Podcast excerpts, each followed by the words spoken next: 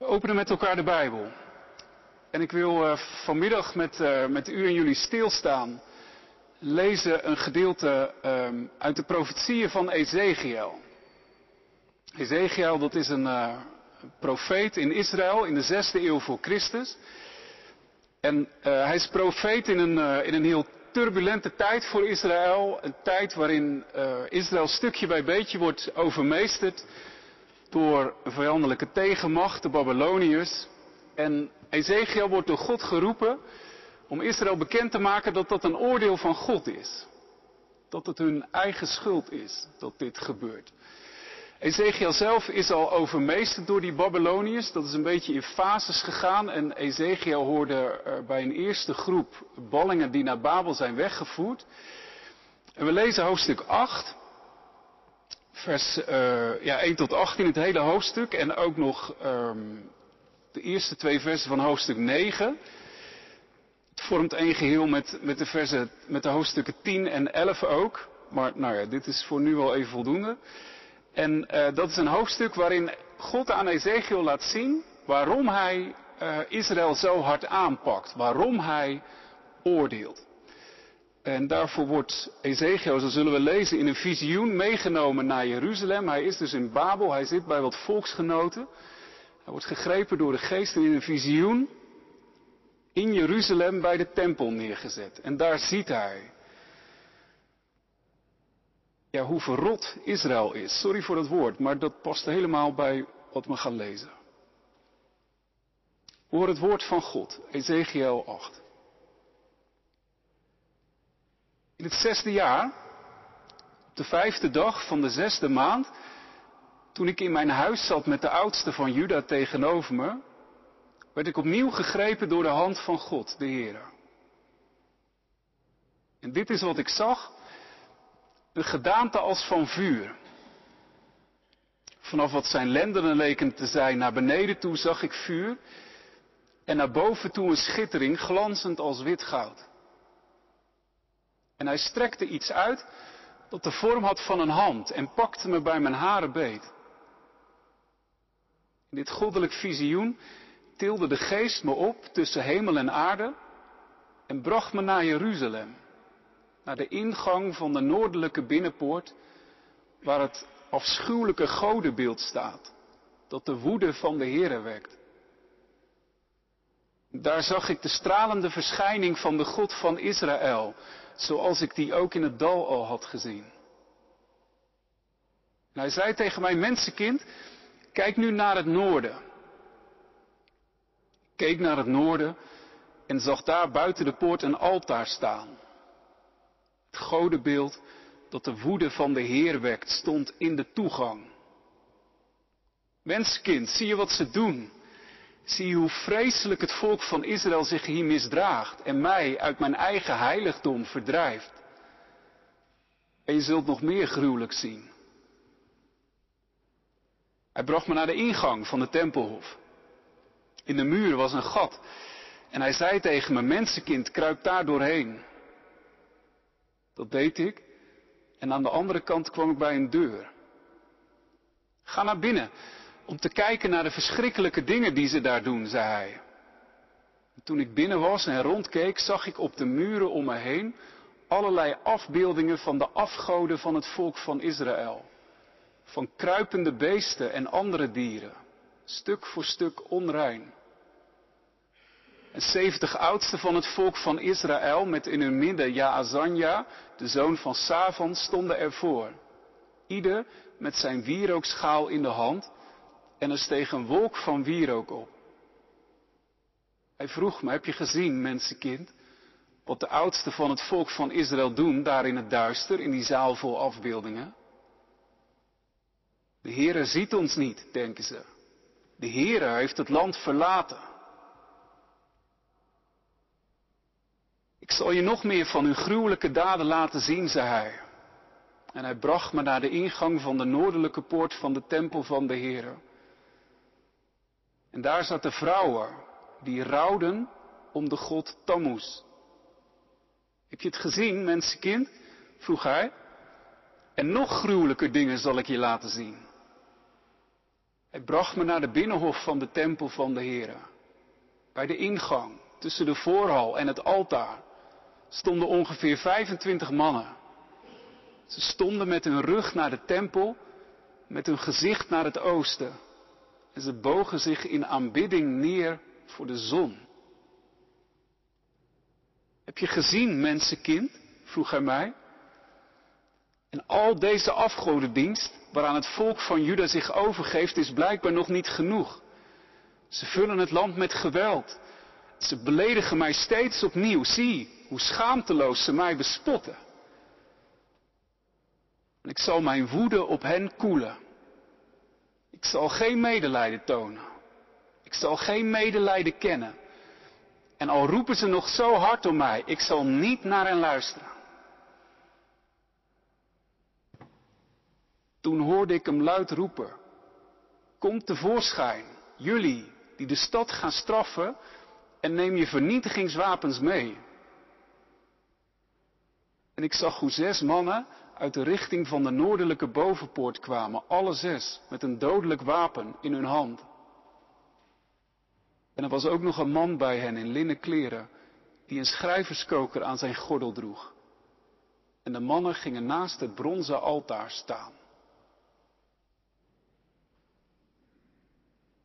Dit is voor ons vanmiddag het woord van God. Gelukkig de mens die dit woord hoort en eruit leeft. Amen. Dat is bij deze profetie wel een klus om hier uh, uit te leven en te verstaan. Maar we gaan er gewoon in bewegen. En ik, ik zal wat Ezekiel ziet nog wat, met wat meer woorden uitleggen. En daarna wil ik het ook als een spiegel houden voor ons uh, eigen leven. Gemeente van Jezus Christus, geliefde broeders en zusters. De profetieën van Ezekiel, die brengen je met regelmaat bij teksten die je kippenvel bezorgen. En dan niet omdat het zo mooi is, maar omdat het zo ontluisterend is. En soms ook gewoon angstaanjagend. Ja, en ook de woorden en de beelden die we nu voor ons hebben, als je die een beetje op je in laat werken en ze voor je ziet, dan kunnen die je echt kippenvel bezorgen. Allereerst door wat Ezekiel ziet. Hij wordt dus uh, in een visioen gebracht van Babel naar Jeruzalem, naar het complex van de tempel. En dat complex dat heeft verschillende pleinen en, en hoven en poorten. En ja, hij wordt neergezet op een aantal van die. En welke het precies zijn, dat is niet met zekerheid te zeggen of aan te wijzen op een plattegrond of zo. Maar het zijn in ieder geval allemaal plekken dicht bij de aanwezigheid van de Here. En die tempel was in Jeruzalem de plek waar God woont te midden van zijn volk. En dat was die tempel echt letterlijk. God woonde daar. Zijn heerlijkheid, die, die was in het binnenste van de tempel. En ja, heel mooi is, Ezekiel die ziet die heerlijkheid ook als hij aankomt in dat visioen bij de tempel. Hij is dus zeg maar echt in het woongebied van God. Nou, en daar ziet hij meteen als eerste het beeld van een andere God. Het tweede deel van vers 3. In dit goddelijk visioen tilde de geest me op tussen hemel en aarde en bracht me naar Jeruzalem, naar de ingang van de noordelijke binnenpoort, waar het afschuwelijke godenbeeld staat dat de woede van de Heere wekt. Er is daar meteen een andere godheid, het beeld daarvan. Waarvan God heel duidelijk in de tien geboden tegen Israël had gezet, maak die niet beelden. Vereer ze niet andere goden. Want die zijn van plastic. al hetgeen wat mensen om jullie heen aanbidden, dat is nep. Ik ben de werkelijke God, die jullie uit Egypte heeft bevrijd. ik heb echt laten zien dat ik boven alles en iedereen sta. zo, zo, zo beginnen de tien geboden. Maar ja, bij een eerste blik richting die tempel staat er dus al gewoon zo'n ander godenbeeld. Er wordt Ezekiel uh, iets verder geleid naar een volgende plek en dat krijgt iets van een undercover actie. Hij moet door een gat ergens in een muur en dan is er een deur en dan komt hij in een wat schimmige ruimte. Het is het duister en op de muur van die ruimte staan rondom allerlei dieren. Dieren die naar het lijkt in Egypte werden aanbeden als goden. Maar hij ziet ook mensen daar. Er is een ritueel bezig rondom die goden. 70 mannen zijn er. Die met een wierookschaal in hun handen staan. Om deze, ja, ook plastic goden gunstig te stemmen. En Ezekiel krijgt in zijn oortje te horen tegelijk wat, wat ze denken, die mannen. Vers 12. De Heere ziet ons niet, denken ze.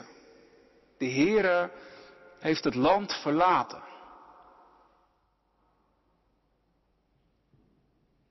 Het kan goed dat dit ritueel er is door de dreiging die Israël ervaart.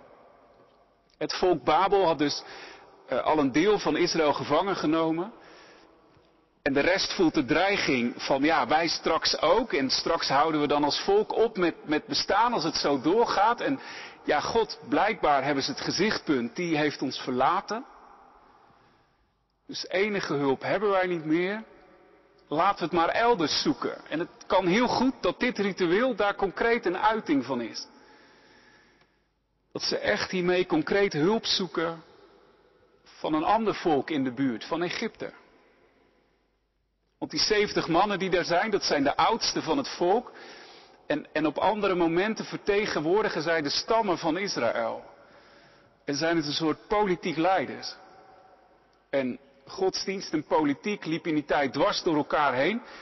Dus het kan goed dat de oudsten door deze dienst aan de goden van Egypte echt het leger van Egypte om hulp vroegen, heel concreet. Maar ja, het gênante is, God is er ondertussen gewoon.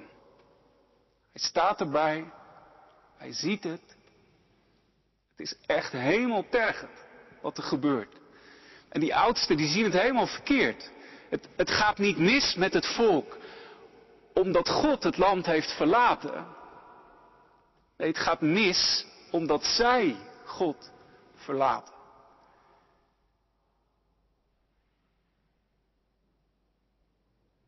En dan, Ezekiel, ik zal je nog meer aan uw, van uw gruwelijke daden laten zien. En hij wordt gebracht naar nog een andere plek in het tempelcomplex en daar ziet hij een aantal vrouwen. Dus mannen en vrouwen, allemaal gaan ze erin mee. En deze vrouwen die zitten bij weer een andere godheid. En ze rouwen om hem. Het is een dode godheid dus. En de naam die genoemd wordt, die doet denken aan een godheid die bekend was in de omgeving. Die stierf en die elk jaar weer opstond. Hij symboliseerde iets van de seizoenen. Opkomen en weer ondergaan. Nou, en daarna moet Ezekiel naar nog weer een laatste plek. En, en die lijkt het dichtst bij het heiligdom van de Here te zijn. En daar ziet hij weer mannen, 25. En zij staan met hun rug naar de tempel. En met hun gezicht zon. De zon.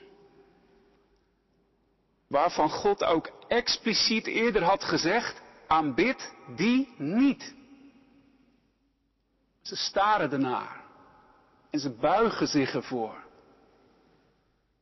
En tegelijk dus keren ze hun rug naar de heiligheid van God. Die hem bevrijd had. Die hen geroepen had die hen juist in dit land van melk en honing had gebracht. Het is bij elkaar ontluisterend, schaamteloos, het is verrot. Ezekiel, dat volk voor mij. Kippenvel. Door wat Israël doet.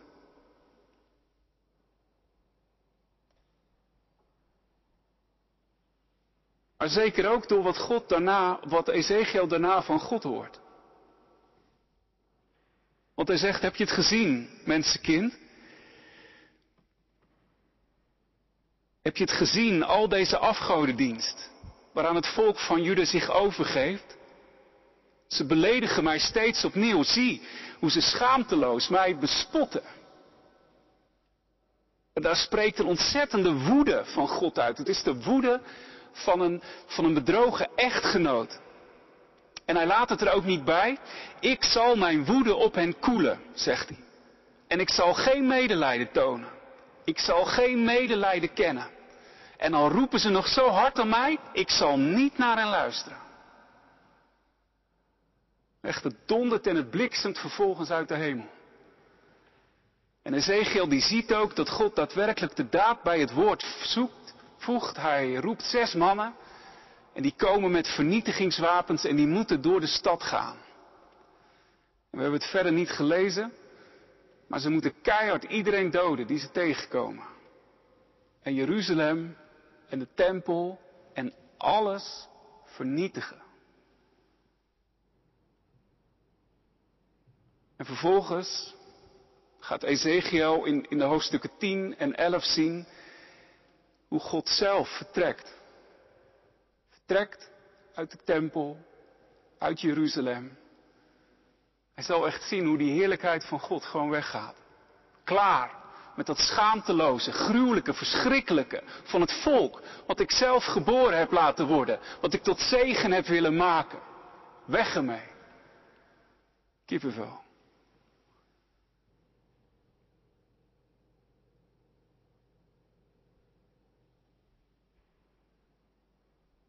Ja, en wij. Sprongen zijn groot, maar ik wagen wel gewoon heen. Want dit soort profetieën confronteren ons ermee dat het blijkbaar kan gebeuren. Dit soort gedrag bij mensen van God. En dan doe ik nu op wat Israël doet, straks kijken we naar wat, wat, wat God doet. Um, maar, maar het kan dus blijkbaar gebeuren dat ontluisterende, dat God die ontzettend veel van zichzelf geeft, dat die in de schaduw komt staan. Bij mensen die bij hem horen. Bij mensen die bijvoorbeeld door de doop bij zijn volk gevoegd zijn. Of bij jou. Je bent misschien wel heel bewust onderdeel geworden van de gemeente rond, rond God, van Christus, rond de kerk. Blijkbaar kan het dan gebeuren, God in de schaduw.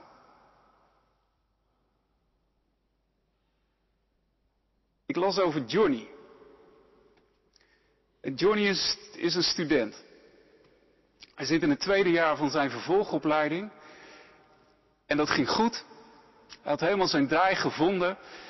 En ook buiten zijn opleiding zag het er allemaal goed uit. Hij was veel bezig met sport, voetbal en tennis en fitness. Hij was ja, lekker fit en hij zag er goed uit. En hij deed dat ook met vrienden. Die had hij aan alle kanten.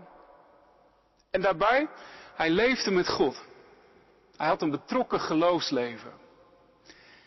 Nou ja, hij had zo echt het ideale geloofsleven van een twintigjarige. Zoals je dat wat voor je ziet in een film of Zoals je dat wenst voor jezelf of, of voor je neef of nicht of kinderen of kleinkinderen. Op een avond, na wat potjes FIFA met vrienden, ging hij naar bed, gezond en gelukkig. Maar toen hij wakker werd de volgende morgen, voelde hij dat er iets niet klopte. Zijn lijf voelde anders. En hij worstelde zich ook door de colleges van die dag. Hij zegt een tenniswedstrijd af. En hij dacht, misschien heb ik wel te veel gedaan de laatste tijd. Ik moet wat rusten, ik ben moe. En zo gingen dagen voorbij. Het gevoel bleef. Hij ging naar een dokter. Naar nog een. En hij kwam steeds verder in de medische molen. Maar niemand kon ontdekken wat er nou mis met hem was. En hij ging telkens van zo'n dokter weer naar huis. Waar zijn studie, en sport en vrienden inmiddels verdwenen waren. En zo ging het maanden. En hij werd somberder en steeds dieper, hopeloos werd hij. Hij begon ook te huilen, intens te huilen. En hij bleef ook naar God zoeken door die maanden heen. Hij bad hem om genezing. Maar ook, hij bad om inzicht in wat er nou aan de hand was met hem. En op een druilerige middag, ergens in oktober, las hij zo een boek van een bekende Bijbeluitlegger over afgoden. Namaakgoden heet het boek, plastic. Tijdens het lezen van dat boek raakte de geest hem vol in zijn gezicht. Want er kwam ineens in hem te binnen wat er mis was. Hij besefte ineens dat hij zich zo hopeloos voelde doordat hij zijn opleiding en zijn sport veel te belangrijk had gemaakt. Hij zag ineens voor zich hoe hij eigenlijk heel zijn leven daaraan had opgehangen. Heel zijn idee van ertoe doen, van van waarde zijn voor anderen, van een zinvol leven hebben, dat had hij verbonden aan zijn opleiding en zijn sport. als ik daar maar. Ja, en God stond lager. En dat was een keihard en ontluisterend moment voor hem, want hij dacht dus dat hij zo'n levend geloofsleven had. En, en hij kende ook prima het gebod, kniel voor zulke goden niet meer. Maar ja, toch gedaan. En het bevrijdde hem. Door dit inzicht had hij de ruimte om zijn leven opnieuw in te richten. En ook met sport en ook met opleiding en ook met fanatisme daarin. Maar niet meer als ultiem doel. Dat was God.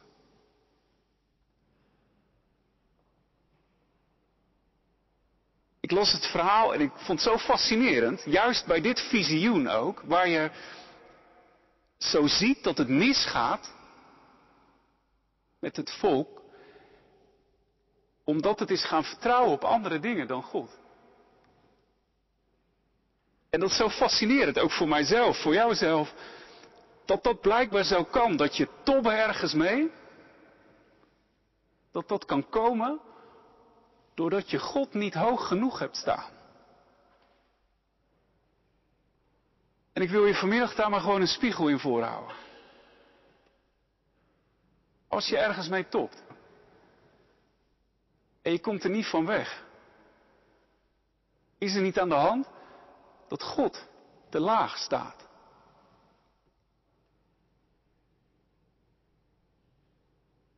Als je topt met dat je alleen bent.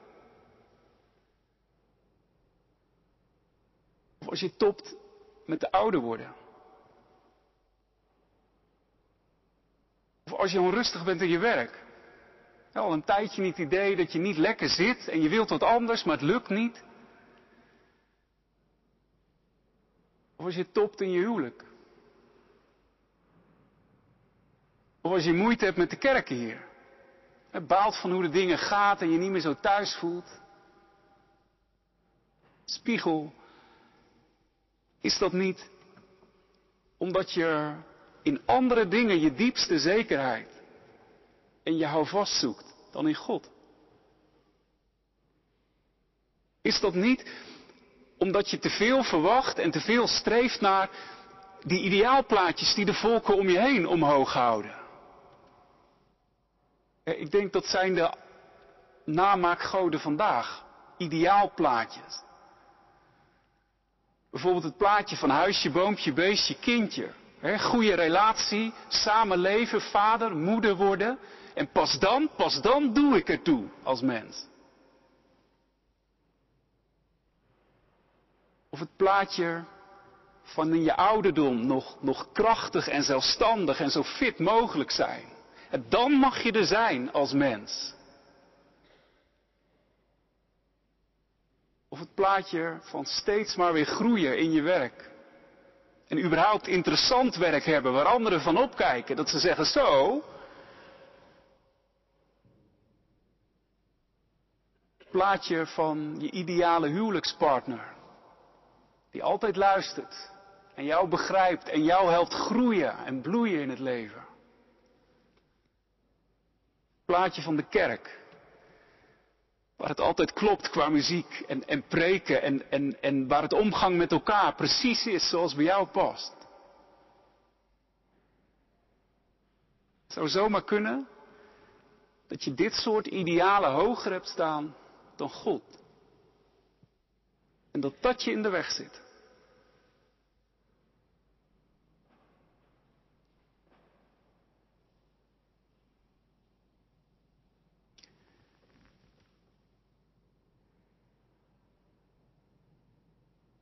Het is heel fascinerend, zo'n voorbeeld van zo'n student, die Johnny. Ook in een tijd waarin er veel zorgen zijn over jongeren en jongvolwassenen. En dat is er vandaag, over somberheid. Misschien gaat het wel ook over jou. Misschien herken je wel iets van Johnny. En ook voor jou dan even die scherpe vraag. En ik hoop dat je hem kan hebben, zomaar van een vreemde. Maar ja, hang je niet te veel aan dingen die maar plastic zijn eigenlijk. Dingen als controle willen hebben.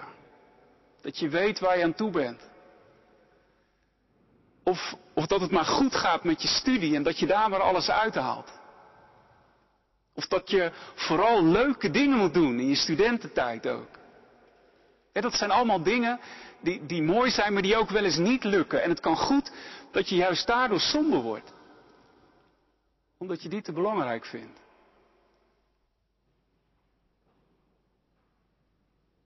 En in de Bijbel is maar één ding belangrijk. En dat is dat, dat God de wereld en jou lief heeft. Punt. Meer niet. En dat is iets wat er altijd is. Waar je altijd aan kan vasthouden. De rest is plastic en kan ook zo weg zijn.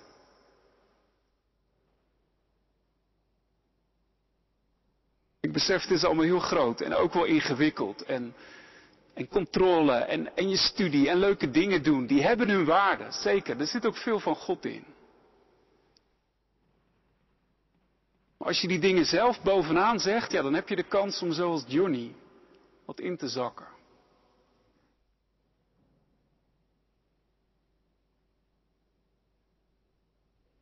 Overigens stelt dat sombere van jongeren ons ook als ouders een vraag.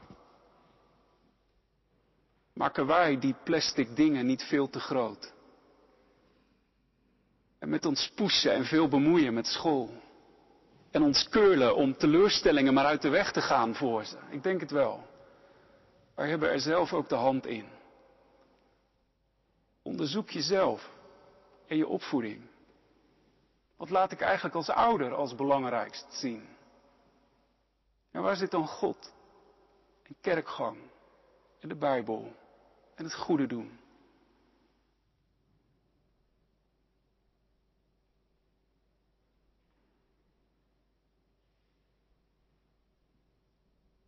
Nu ja, zo'n gedeelte heeft ons dus van alles wel te zeggen. En misschien vind je het wel irritant en makkelijk om zo bevraagd te worden. Um, zeker als je al lang ergens mee topt. Dat besef ik, zie ik. Met zo'n profetie kunnen we niet anders. En ik hoop dat het je iets bevrijdends geeft. Net als bij Johnny. Nog één stap moet ik maken.